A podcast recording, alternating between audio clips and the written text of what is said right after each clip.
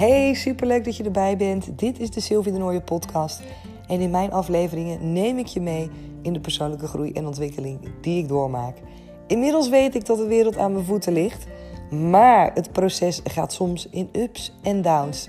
En in deze aflevering neem ik je mee hoe het vandaag was voor mij om feedback te ontvangen die me toch persoonlijk wel heel erg raakte. Hoe ik daarmee om ben gegaan en hoe ik uiteindelijk nu kan zeggen van, oh, fijn. Ik kan hier op een goede manier verder mee aan de slag. Feedback krijgen. Hartstikke leuk, super waardevol. Maar soms krijg je er gewoon echt ook wel een beetje een knoop van in je maag. Of een rotgevoel dat je denkt, oh echt? ik had zo'n situatie vandaag. Ik kreeg feedback. En ik heb er wel echt, ik ben er wel een uur mee bezig geweest. Ik had er echt een rotgevoel over. Ik voelde me er slecht door. En ik dacht, ik wil hier voor mezelf iets mee gaan doen. En dat heb ik gedaan, waardoor ik nu inmiddels geen rotgevoel er meer over heb. En dat is wel echt heel erg fijn. Sterker nog, ik weet ook gewoon wat ik ermee kan en ik kan ermee uit de voeten.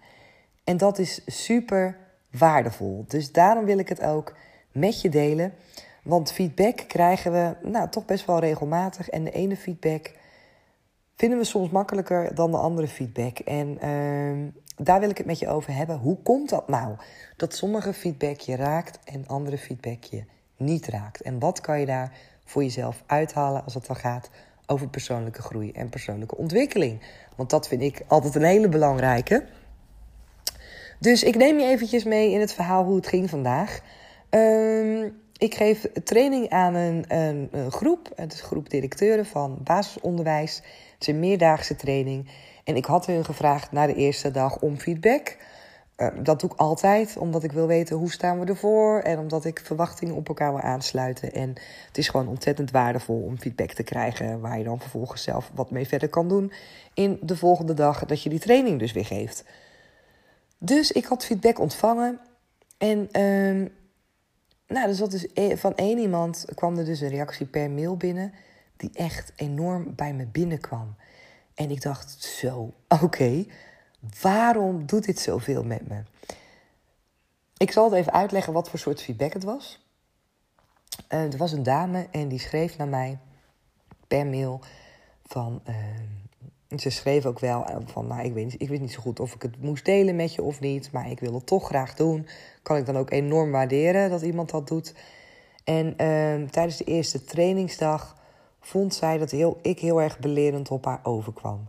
En had zij het gevoel dat ze uh, nou, niet als volwaardig, niet als professional werd aangezien. En uh, ze vond ook dat ik niet voldoende naar haar luisterde toen ze aangaf nou, tegen welke dingen ze aanliep. En dat ik daar een soort van overheen walste. En nou, ongeveer in die trant was de strekking van haar e-mail. En het kwam zo ontzettend bij me binnen. Ik had er echt een mega, mega rotgevoel van, merkte ik. En uh, soms heb je feedback die je niet zoveel doet. Weet je, die kan je gewoon op inhoud aannemen en aanpassen en veranderen. En andere feedback, die doet je wat meer. En dat heeft heel erg met jezelf te maken als persoon. Want deze mail die zouden twintig mensen kunnen hebben ontvangen. Dat was ik ook voor mezelf op dat moment een kwartier later hoor. Ik heb eerst dacht ik van, oh, ik, weet je, ik voel me hier rot bij. En ik heb naar die mail zitten staren. Ik heb het nog tien keer door zitten lezen. En toen ben ik voor mezelf gaan nadenken van, oké, okay, ga, ga nou eens voor jezelf bekijken waarom dit nou zoveel met je doet. Want ik heb, dat is een tijd, echt een tijd lang geleden dat feedback mij zo raakte als nu. Dat is, dat is, ja, dat heb ik al heel lang niet meer gehad. Maar nu dus wel. Dus ik dacht, dat is interessant. Dit is interessant. Sil, hier kan je voor jezelf iets uithalen. Dus ik bedacht me inderdaad dat feedback heel erg persoonlijk is. Dat ditzelfde mailtje naar tien andere mensen verstuurd kon worden. En dat misschien acht mensen denken van, oh, oké, okay, ga ik mee aan de slag. En twee mensen misschien inderdaad denken van, oh, weet je, dit doet me wat, dit voelt niet lekker. En ik ben daar dus één van. Maar daarmee wist ik al dat het dus eh, inderdaad persoonsgebonden is. Dus ik ging uitpluizen voor mezelf. Hoe komt het nou dat ik aanga op haar woorden die zij stuurde van belerend overkomen, niet luisteren en haar het gevoel geven dat ik dus meer waard ben en dat ik haar dus niet zie als volwaardige professional. Dat was eigenlijk, als ik het filter, zijn dat de drie dingen waar ik heel erg, uh, ja, waar ik zelf heel erg van op aanging. Wat, wat me een rot gevoel gaf. Dus ik dacht, die, die moet je er voor jezelf uithalen, Sil, om verder te gaan onderzoeken waarom je dat zo vervelend vindt. In eerste instantie ging ik voor mezelf, ik ga het proces met je doorlopen, dat je even mee kan kijken van wat, wat ik hierin gedaan heb. In eerste instantie bedacht ik bij mezelf, hoe zou ik het vinden op het moment dat iemand op mij belerend overkomt. En ik kon mezelf dat direct inbeelden. Ik kon mezelf direct inbeelden hoe het zou zijn als ik in een training zou zitten en iemand zou op mij belerend overkomen. En ik dacht, waarom vind je dat vervelend, Sil? Want niet iedereen vindt het ook vervelend. Het kan best zo zijn dat ik inderdaad een training zou volgen, waarbij ik iemand voor me zou hebben waar ik denk, oh, die komt wel belerend over. En dat ik dan tegen andere deelnemers van die training zou zeggen van, nou, die kwam wel belerend over, zeg, echt uh, vervelend. En dat die andere deelnemers zouden zeggen van, oh, oh, dat had ik helemaal niet in de gaten. Of, dat, ook op mij helemaal niet hoor, nee hoor. Soms triggeren mensen iets in jou wat niet per se geldt voor andere mensen. En dus het gaat om jou als persoon vaak meer dan om de andere persoon. En uh, ik hoop dat ik het zo een beetje goed uitleg, dat je snapt wat ik ermee bedoel. Dus ik ging er ook over nadenken van, oké, waarom vind ik het dan vervelend als mensen belerend doen? En ik kwam daar voor mezelf van uit dat ik het vervelend vind, omdat ik uh, dan vaak het idee heb dat ik geen ruimte krijg om zelf te laten zien en te laten horen wat ik weet.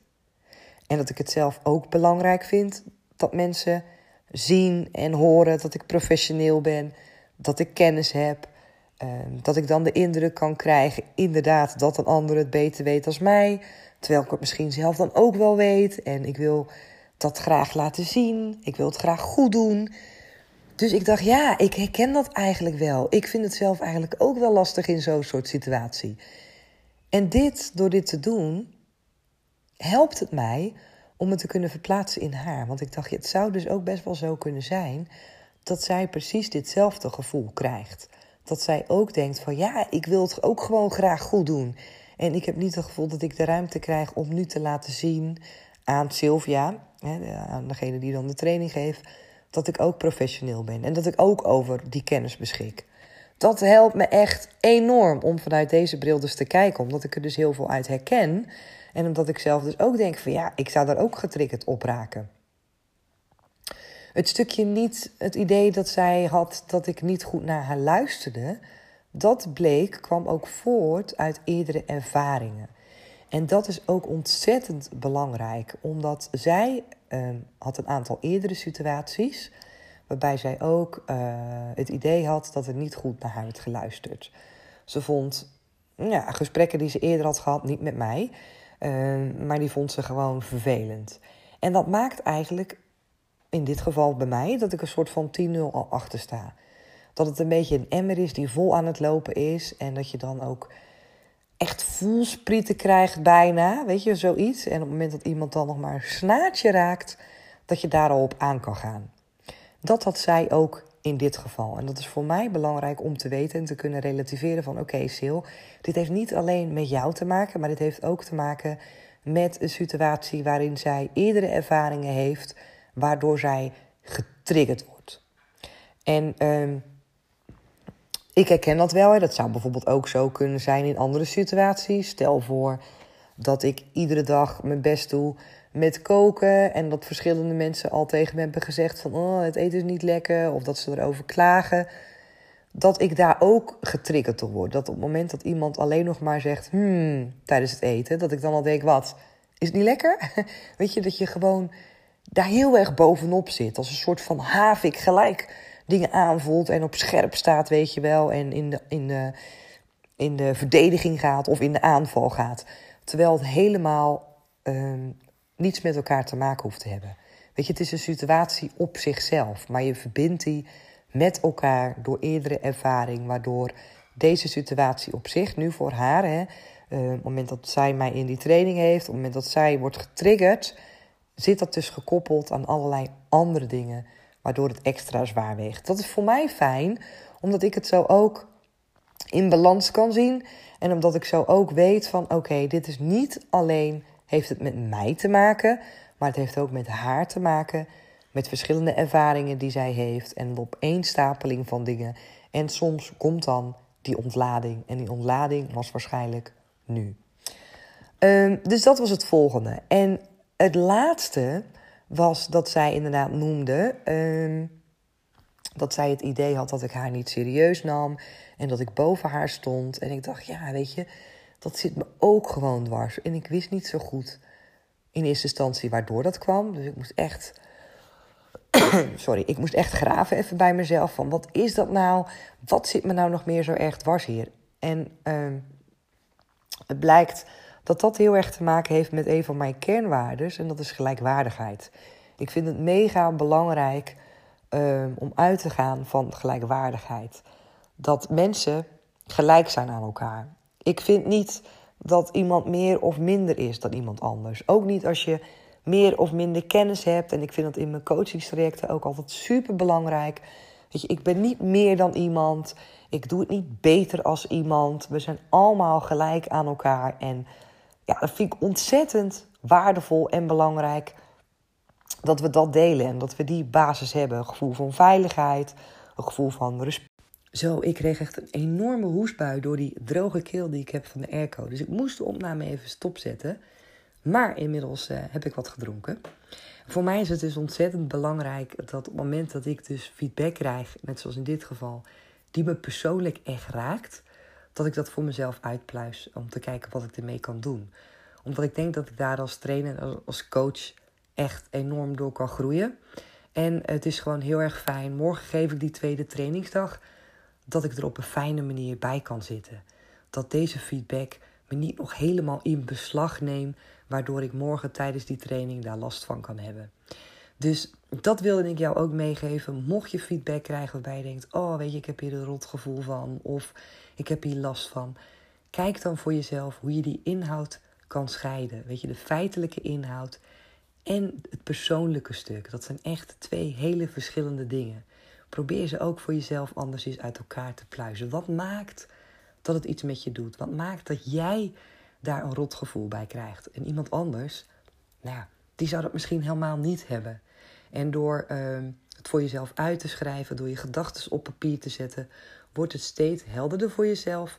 En kan het je ook helpen, net als mij, om het op een gegeven moment gewoon te kunnen bekijken vanaf een afstandje. En dat is gewoon soms zo heel erg lekker, want dan zit het niet meer helemaal in je lijf, maar dan kan je het er echt uithalen, opzetten en dan kan je er gewoon verder mee. Dus dit wilde ik met je delen. Ik ben natuurlijk ook ontzettend benieuwd hoe jij omgaat met feedback en of je tips voor mij hebt. Laat het me vooral weten. Je kan me vinden op Instagram onder de naam comintra.sylvie en Comintra is met een C. Of je kan me een mail sturen naar info.comintra.nl Dankjewel voor het luisteren en tot de volgende keer. Leuk dat je er weer bij was. Mocht je nou vragen hebben aan mij of mocht je zelf een onderwerp weten voor een aflevering, stuur me gerust een mailtje op info.comintra.nl of stuur me een berichtje op Instagram. En je kan me daar vinden onder de naam comintra.sylvie Tot de volgende keer.